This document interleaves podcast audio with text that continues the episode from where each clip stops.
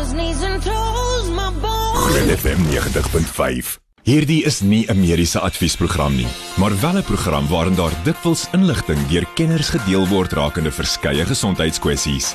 Vir persoonlike raad of advies, raadpleeg jou mediese dokter of sielkundige. Groot trauma met Pieter Kloete en dokter Jaco van die Kerk op Groot FM 90.5.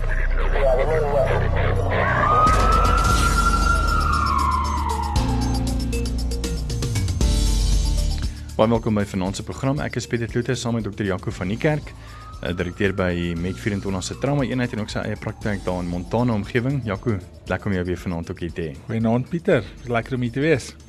Ja, kom ons begin sommer met die goeie nuus gisteraand uh, in ons familievergadering met um, president Cyril Ramaphosa. Ehm um, ek gaan maar so vinnig gou deurgaan oor van die goed wat hy gesê het ehm um, gisteraand en uh, waar mense natuurlik uh, hande geklap het en gesê het, "Yes, dit is mos nou wat 'n mens wil hoor." Ehm um, maar nou ja, baie mense sê ook natuurlik ja, eintlik kon die hele vlak 1 geskraap geword het, maar nietemin. So van die inperkings ehm um, of van die goed wat gesê was gister was onder andere dat jy nou nie ehm um, genoodsaak is om byvoorbeeld 'n uh, masker te dra wanneer jy buite is nie. So maar nog steeds as jy in 'n kantoor is of in 'n winkel binne-in, moet jy natuurlik 'n um, ehm, 'n uh, masker dra.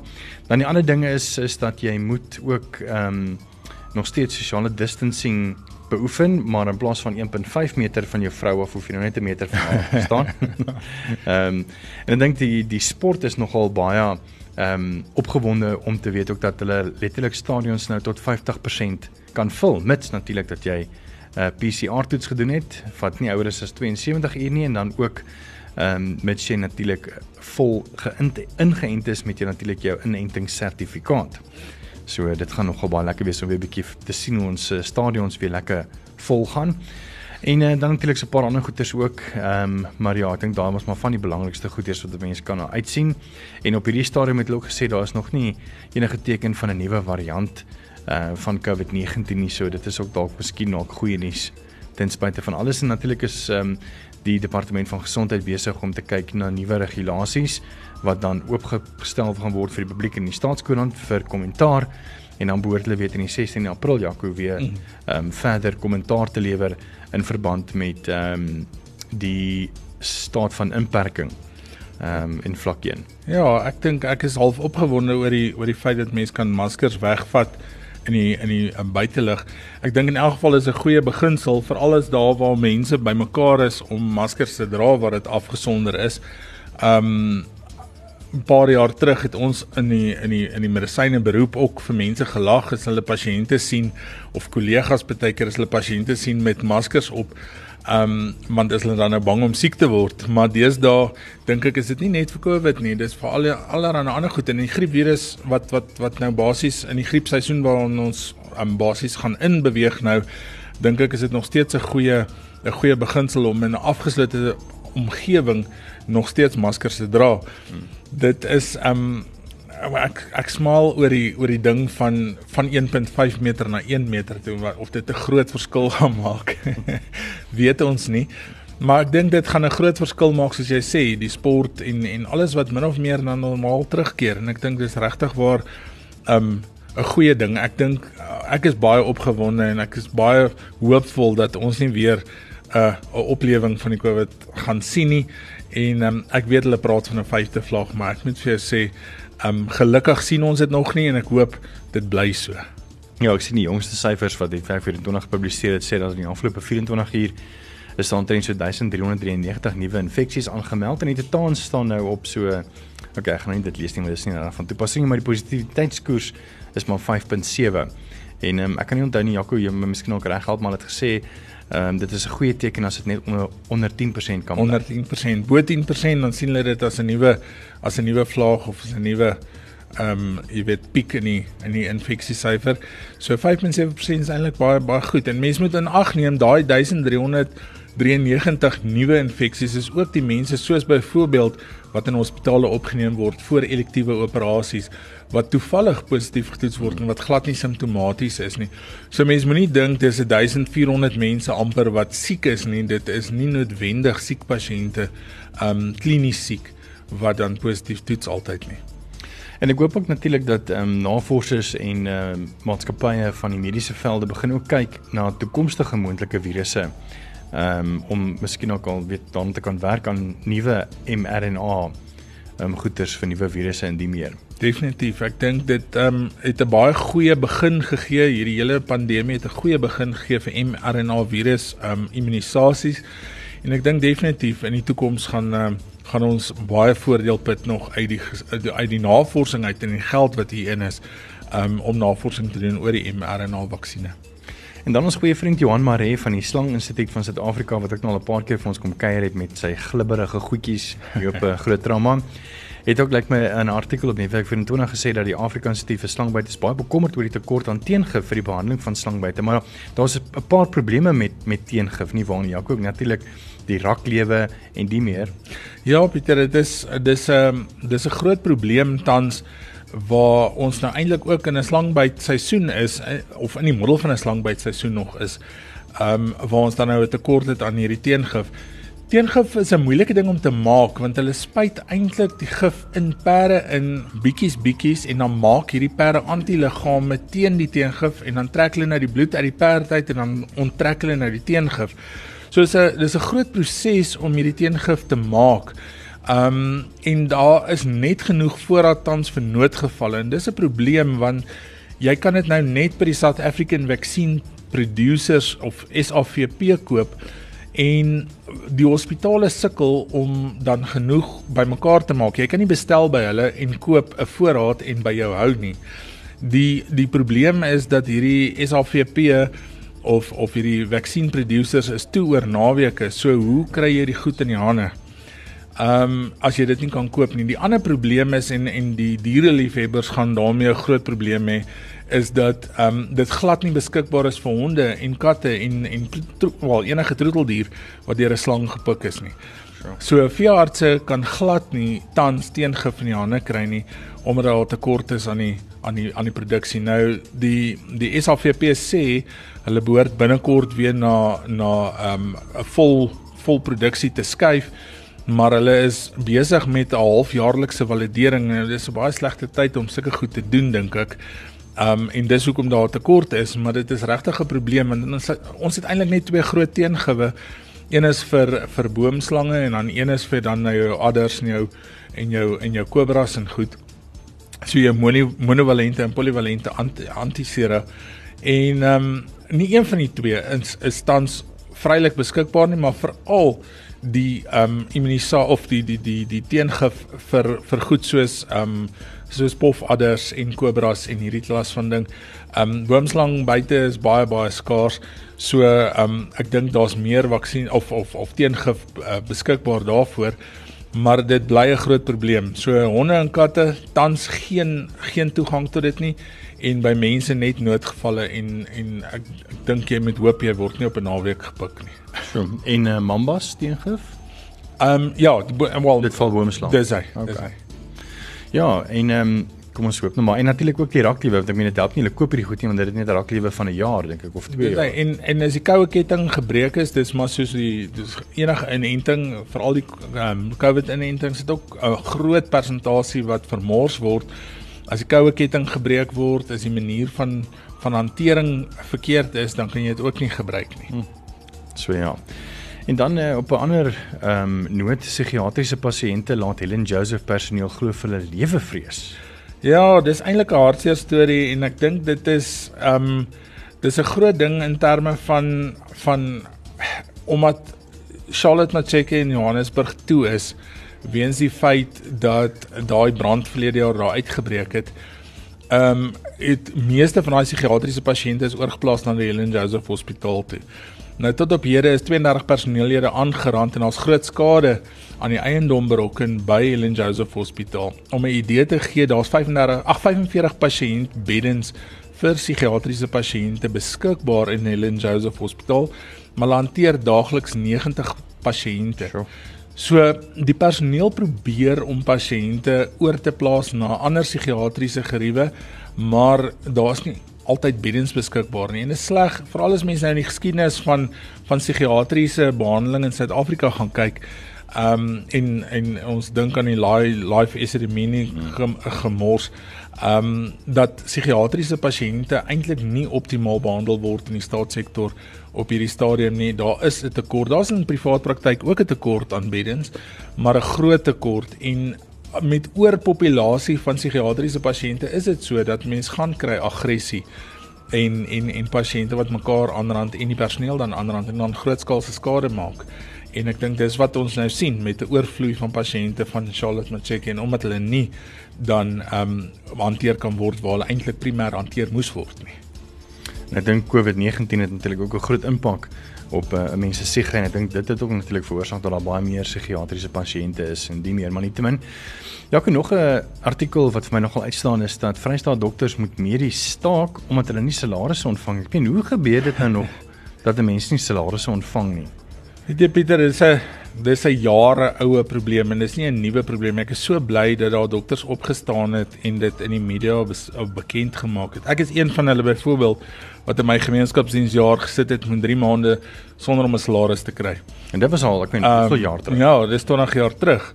Ehm um, nou is daar 'n dokter wat haar internskap by die Pelenome Hospitaal in Bloemfontein moet doen wat haar mediese fonds moes kanselleer omdat haar aftrekorders nie kan deurgaan nie omdat sy van Januarie af nie betaal is nie. Ag nee. Nou sy sit ook met 'n 20 maande oue seentjie wat sy na moet omsien. Um en die rede hoekom sy nog haar intern jaar doen is jy moet 24 maande internskap doen en 'n jaar lank gemeenskapsdiens anders kan jy nie registreer as 'n onafhanklike praktisyn by die Raad op Gesondheidsberoepe vir Suid-Afrika nie. So as jy byvoorbeeld in jou gemeenskapsdiensjaar of op jou internskap daai 24 maande um kraamverlof vat 4 maande kraamverlof gaan jy 4 maande moet inwerk. Ai. Um en en dis 'n ongelooflike probleem. Um en ek dink mense daar buite verstaan nie altyd en en en kan hulle self nie indink hoe dit is om 3 4 maande nie salaris te kry nie. Hier's byvoorbeeld 'n dokter Luan uh, Lou wat by Tabanshu sy um, gemeenskapsdiensjaar doen. Hy's 25 jaar oud en hy is glad nie vir Januarie betaal nie. En ons almal weet interns doen baie oortyd. Hy het 60 ure oortyd ook gewerk wat hy dan nie gekry het nie. Um tot tot onlangs nie en vyf van sy kollegas is ook nie betaal vir hierdie tyd nie.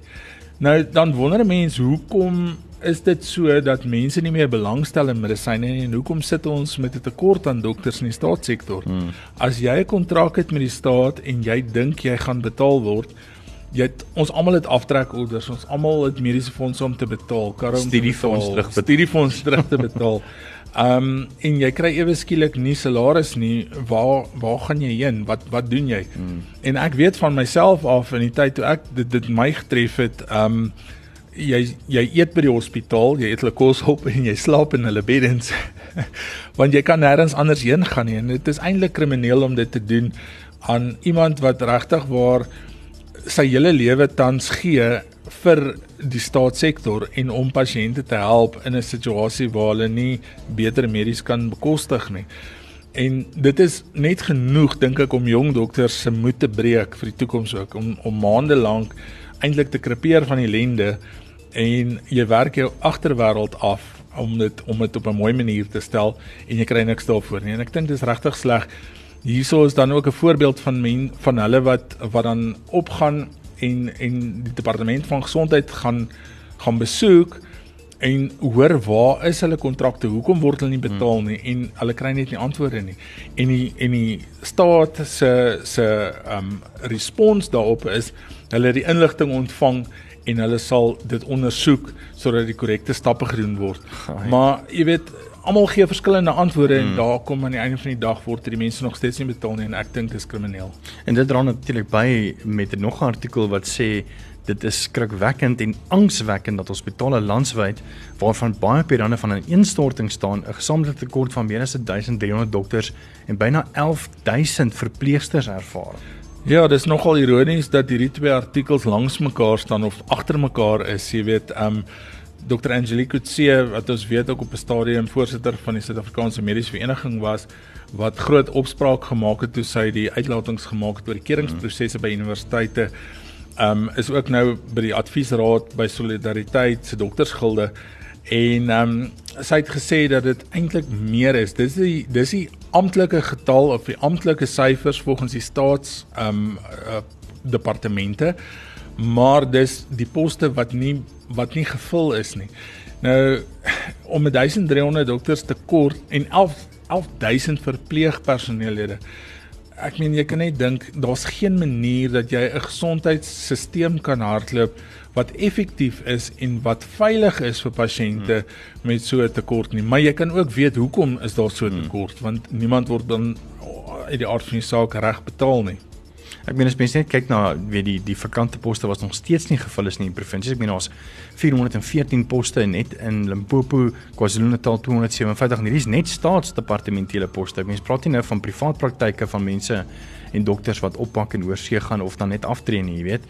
Ehm um, en Gauteng lyk like dit vir my ehm um, is dan is 174 en die meer. So dit is nogal redelike groot probleem. Ja. En ek dink dis iets waar jy nogal baie passie is ook oor.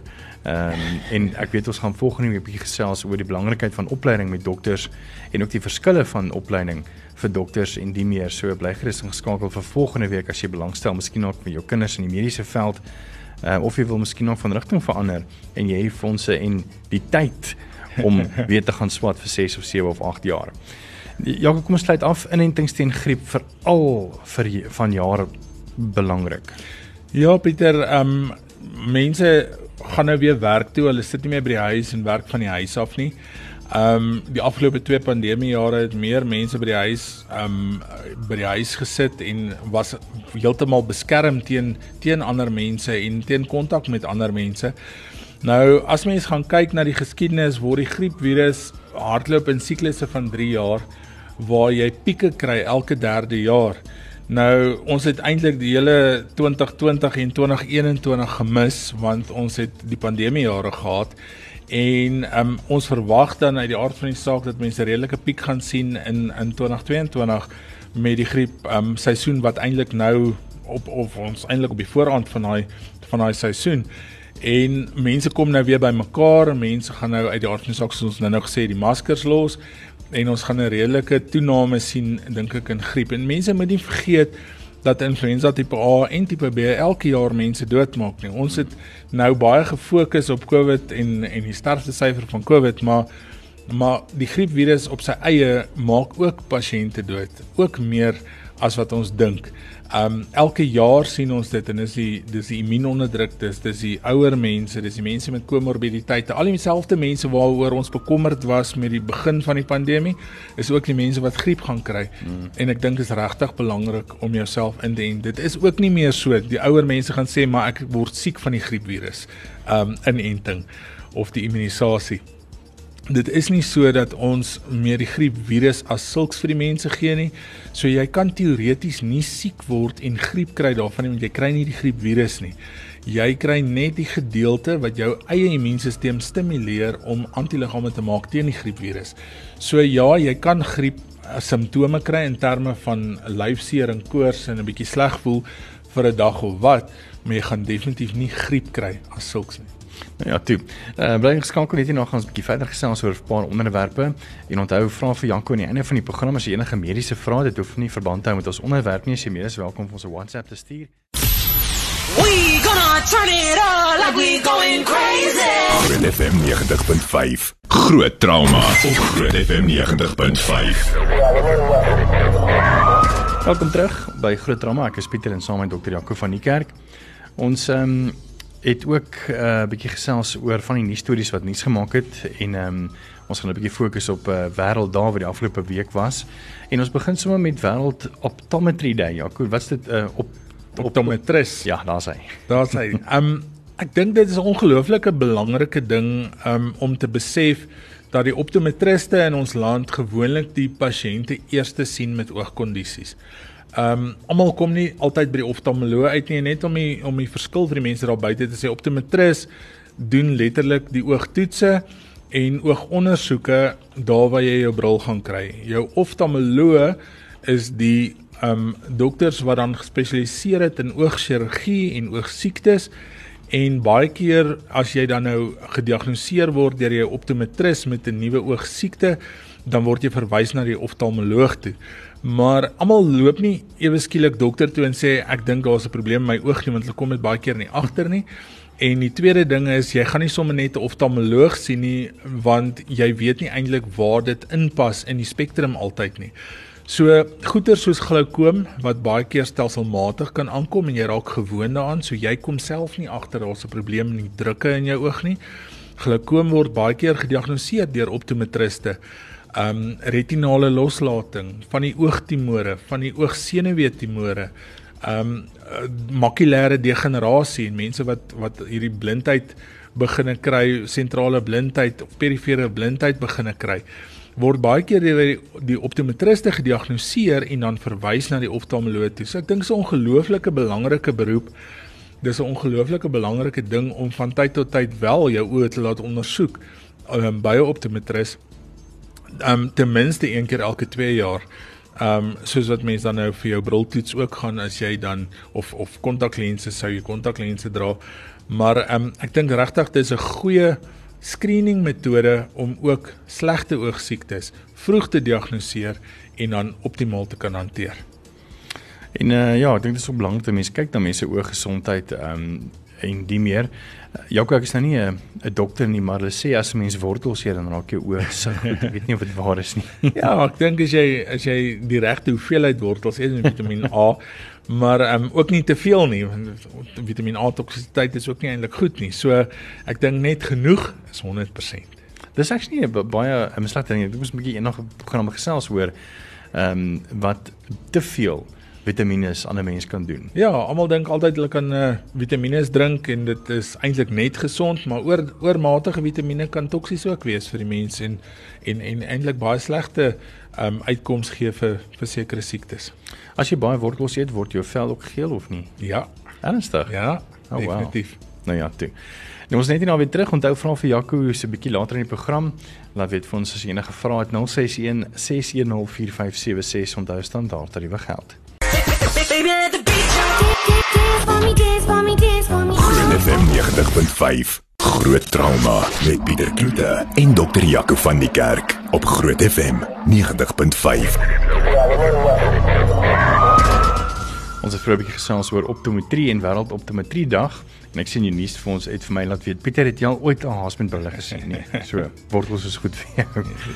Jaco, ehm um, maandag was wêreld down syndroom dag. Wat is down syndroom? Hoe kom dit voor?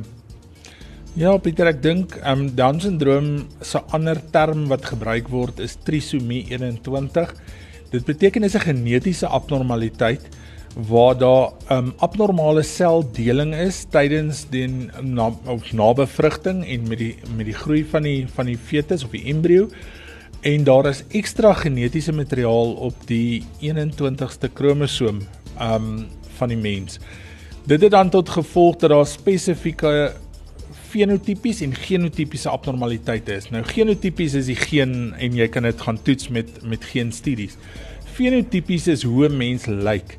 So ons kyk na na gewoonlik goed soos 'n um, hoë haarlyn op die voorkop, lae haarlyn agter in die nek, um laag geleë ore, um, uit die aard van die saak, ons praat van epikantiese voue, dis sulke foutjies in die in die binnekant van die ooghoekies.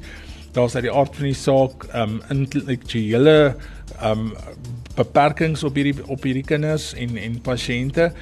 Ehm um, ons sien 'n groot persentasie van mense wat down syndroom het ook wat geassosieer is met abnormale hartletsels, hartklepletsels.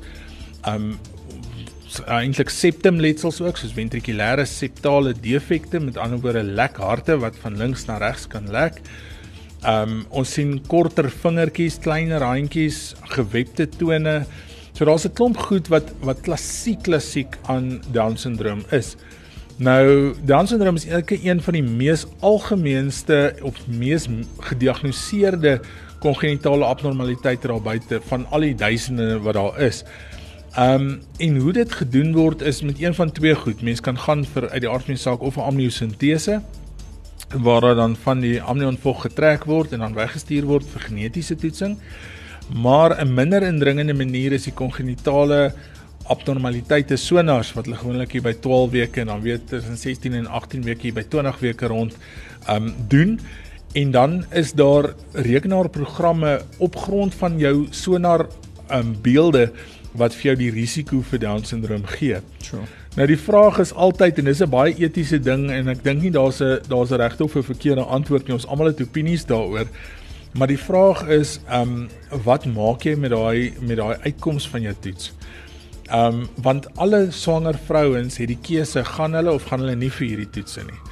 Ehm um, ons probeer al hoe minder amniosentesis ehm um, doen en minder indringende goed doen omdat jy dan uit die aard van die saak ook risiko op die swangerskap sit.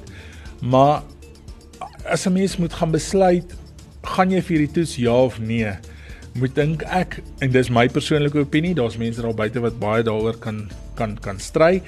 Maar my persoonlike opinie is moenie daarvoor gaan as jy nie bereid is om 'n terminasie van jou swangerskap te doen nie. Want as jy voor die tyd besluit of dit 'n down syndroom kind gaan wees ja of nee, um, jy gaan die kind hou. Hoekom hoekom gaan jy deur al hierdie trauma van die toetse doen en en en indringende toetse baie keer en sit die swangerskap dan op risiko? As jy voor die tyd besluit as dit 'n down syndroom is, gaan ek nie daarmee kan saamleef nie. Dan uit die aard van die saak dink ek is dit baie belangrik om te gaan so vroeg as moontlik om so vroeg as moontlik 'n diagnose te kry om dan die besluit te kan maak. Maar dit is uit die aard van die saak 'n persoonlike besluit en is uit die aard van die saak 'n besluit wat wat net jy kan maak, maar ek dink nie daar's 'n regte en 'n verkeerde antwoord nie. Ek dink net mense moet baie mooi gaan besluit voor jy hierdie toets doen wat jy en waar jy staan. En dan is natuurlik ek meen ek ken ook 'n 'n familie en of twee wat uh, wat 'n down syndroom kind gehad het en redelik tot matig 'n uh, normale lewe gehad het. Uh wel in hakkies normaal. Ja. Um, ek dink ek ek persoonlik het in my privaat praktyk 'n paar pasiënte wat down syndroom het, um, wat soms by die ouers nog bly, soms in 'n sentrum en wat redelik goed funksioneer en wat op hulle eie kan funksioneer tot 'n groot mate. Uit die aard van die saak moet 'n mens maar na hulle kyk en en um, hulle het ander gesondheidsbehoeftes. Um veral die meisies met hormonale issues. Um maar definitief um kan hulle 'n goeie lewe lei. Hulle lewensverwagting is tog ingekort weens die feit dat daar 'n klomp um genetiese ander abnormaliteite is in terme van kardiovaskulêre en kardiorespiratoriese sisteme baie keer. Maar ek dink definitief daar jy kan 'n goeie lewe ook lei. Ek dink ehm um, die groot besluit is by die ouers ehm um, want party mense kan en party mense kan nie ehm um, so baie arbeidsintensief hmm. in die begin wees. Ek dink dit is nogal 'n 'n baie arbeidsintensiewe ding en ek dink dis 'n dis 'n baie persoonlike ding, maar ek dink dit is tog spesiale kinders. Ons het nou weer terug. Onthou daai vraag vir Jaco 061 6104576. Groot FM 90.5. I'm with you. Grootste FM in Pretoria. Dis tyd vir vrae vir Jaco en nogal redelik baie kommentare en vrae deurgekom, so ons gaan gou 'n bietjie daardeur werk. Ek weet sou het ook vroeër ons het uh, aan die begin in die nuus 'n bietjie gesels oor teengif wat ehm um, nie meer so vrylik beskikbaar is nie uh, en moeilike tekort en uh, iemand het hier gesê het vanaand deur wie is dit? Dink is Jolandi as ek dit nie mis het nie wat gesê het um, sy en Zoe haar woef was eendag baie naby aan 'n swart mamba gelukkig in haar guns dink sy het sy gedink dis 'n klein slang en nie gevaarlik nie, tel ek net die hond op en loop ander ehm uh, as wat ek gegil het en dit was dan 'n ander storie geweest dalk. So ek bly hulle dan nie so erg daarvan afgekom nie en dis nogal daar in Dino King, nee, swart mamba. Dan is hier 'n vraag van uh, iemand wat vra ehm um, wat dis van Jan af hy sê ja, dankie is altyd baie lief vir julle programme. Dankie Jan dat jy saamluister. Ek het 'n mediese vraag wat ek sukkel mee is as ek draf en ek oefen vir Comrades, so my training is tussen 30 tot 50 km 'n dag, 4 dae, maar ek het nou al 'n paar kere gesien my tepels bloei. Wat kan dit veroorsaak en wat kan ek doen om dit te stop? Dankie. Sjoe, maar 30 en 50 km per Ja, dag nee, is kyk. baie. ek raak sommer moeg as ek hierdie lees. Ja. Jy weet ek sê dit asem uit, ek weet nie wat om te sê as ek dit net lees nie. Ja. Maar in elk geval, ek dink as mense so so lank draf, ehm um, die wrywing tussen jou jou hardloop hempie en jou tepel kan definitief genoeg op sy eie wees om genoeg irritasie te gee dat 'n mens 'n bloeding kan kry. Ehm um, maar as 'n mens voel dis nie dit nie en en daar's baie van die van die marathonatlete wat hulle tepels letterlik toeplak. Ehm um, as mens voel dis nie dit nie, dan moet 'n mens eintlik maar gaan vir 'n sonar as mens bekommerd is vir 'n klieragtige tipe van siekte. Maar die algemeenste is maar spesifiek wrywing. 'n um, Mens kry dit baie keer die die drawers sal weet ook ehm um, tussen hulle bene en so wat onder die arms wat hulle letterlik stikkend kan skuur. Ehm um, en en dis deel van die hele die hele prentjie. Dan het die uh, vraag gekom van uh, van Jaco wat sê: "Hi Pieter, dis Jaco hier. So my vraag is, hoe kan 'n mens getoets word vir velkanker?" Baie relevante vraag. Ja, ek dink ehm um, velkanker op sy eie is 'n baie kliniese diagnose nommer 1. Ons kry eintlik net groot drie groot tipes velkanker. Die eerste is ehm um, plaveiselsel-karsinoom, die ander een is basaalsel-karsinoom en dan die ander een, die moeilike een is die melanoma want hulle kan lyk net soos hulle wil. Ehm um, en ek dink die eerste ding is om 'n ondersoek te kry deur iemand wat gewoond is om velkankers te sien, want dit is baie klassiek die beelde wat gekry word. Die tweede ding is daar's baie rekenaarprogramme beskikbaar wat jy letterlik 'n foto van die letsel neem. Um en die dermatoloog is nogal lief om dit te gebruik van jaar tot jaar om mense op te volg ook. Neem nou die foto en dan as jy 'n verdagte letsel het en neem dit oor 'n maand of 6 weer af en kyk wat is die verandering daarin. Dit maak ook maar is maar ook kliniese diagnose. En dan die heel beste is maar 'n eksissie biopsie. Met ander woorde jy is jy jy um spuit die die letsel dood Jy sny hom letterlik uit met vry rande en ons het geleer op universiteit ten minste 2 mm vry rande reg rondom en jy stuur dit weg um vir histologie. Dit is die een en enigste beste goudstandaard om gediagnoseer te word met 'n velkanker van soorte is 'n eksissie biopsie. En op grond daarvan kan jy dan besluit gaan jy dit weier uitsny ja of nee. Dan is daar ook 'n vraag en dit is nogal 'n lekker lang vraag van Wilma Kirsten wat sê goeie naam Pieter en span. My suster is op die kortlys by Steve Biko vir operasie wat sou gedoen word verlede jaar Oktober. Beide haar oë katarakte of katarakke en sy kan 30 cm voor haar sien. Die operasie word in twee gedeel, eers die een lens vervang en dan die ander 'n paar weke daarna. Sy is 62 jaar oud en werk van die huis af. Ons is moedeloos. Hulle antwoord met elke opvolg oproep is daar hulle wat hulle agterraak met COVID natuurlik. Hoe maak ons om my sussie se situasie te kan versnel? Is daar iemand wat kan help? En en hoe doen mense dit? Maar mense weet ook dan natuurlik met COVID het baie van die hospitale glad, ek meen selfs hele Jaco het, het mm. baie baie minder en baie selektief baie doen. Baie selektief chirurgie gedoen. Die die die probleem met katarakke is dit is die algemeenste oogtoestand daar buite en ons almal as ons oud genoeg word sal katarakke ontwikkel. Party mense ontwikkel dit vroeër en daar's sekere siektes en sekere mense wat geneties ook meer geneig is om vinniger katarakke te ontwikkel. Maar dit is eintlik maar verdik verdikking en verharding van die die lenskapsel en dis hoekom die lense dan vervang word. So ons almal as ons oud genoeg word sal dit kry en party mense soos ek sê vroeër is ander.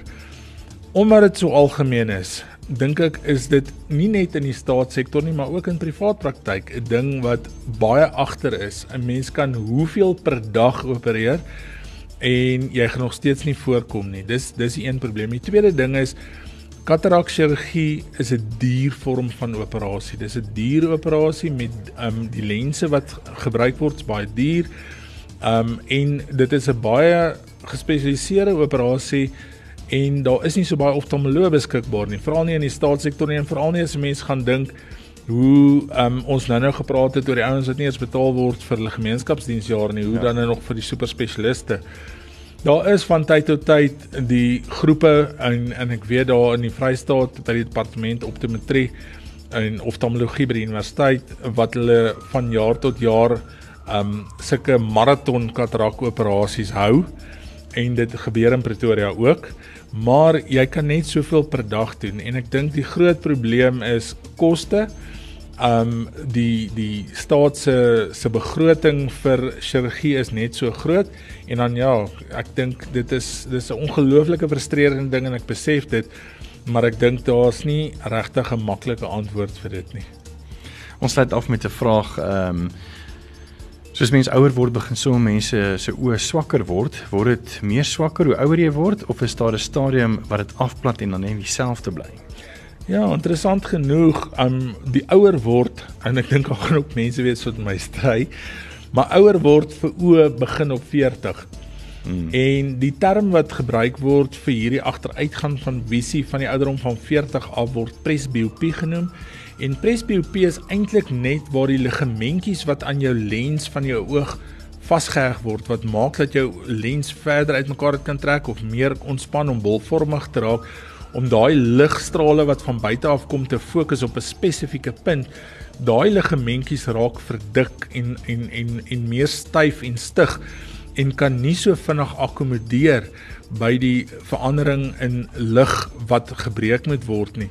So as jy van ver af kyk en jy's gefokus en jy kyk ewe skielik naby soos in 'n boek, dan gaan dit vir jou voel of jou arm te kort is want jy kan nie lekker fokus nie. En dis eintlik maar net daai ligamentjies wat stywer raak oor tyd. Nou die hartseer daarvan is dat dit nie afplat nie en on, dis maar deel van die ou verouderingsproses en dat dit oor tyd eintlik progressief erger word, maar ek moet sê en dis ons het nou nog gepraat oor die optometrie um week wat dit was en ek dink definitief um dit is een van die groot plekke waar optometriste 'n groot verskil maak in presbiopie is om jou oë te toets, presbiopie te diagnoseer en dit dan met lense en of kontaklense tot 'n groot mate te verbeter vir jou. Um en mens kan regtig waar redelik oud word sonder enige probleme as jy gereeld jou optometris besoek. Dis dit vanaand se vra vir Jaco. Ons maak volgende Woensdag weer so. En as jy dalk een van ons programme gemis het en jy wil graag weer gaan luister, gaan jy gerus op ons webblad grootfm.co.za. Jy sien sien op die tuisblad se menu. Ehm um, is daar 'n uh, knoppie wat sê podcast. Jy klik daarsoop en dan gaan klik jy maar net daarso op uh, Pieter en Jaco op Groot Trauma. Dis is ons twee bakkies daarso sien Groot Trauma Woensdae aan 8 tot 9. Jy klik daarop en uh, dan kan jy sommer van al die programme gaan luister soos byvoorbeeld laasweek wat ons gesels het oor eksamentrauma by graad 7's. So uh, gaan luister gerus daarso in hierdie vanaand se program sal ook weer beskikbaar wees so hopelik teen die einde van die week.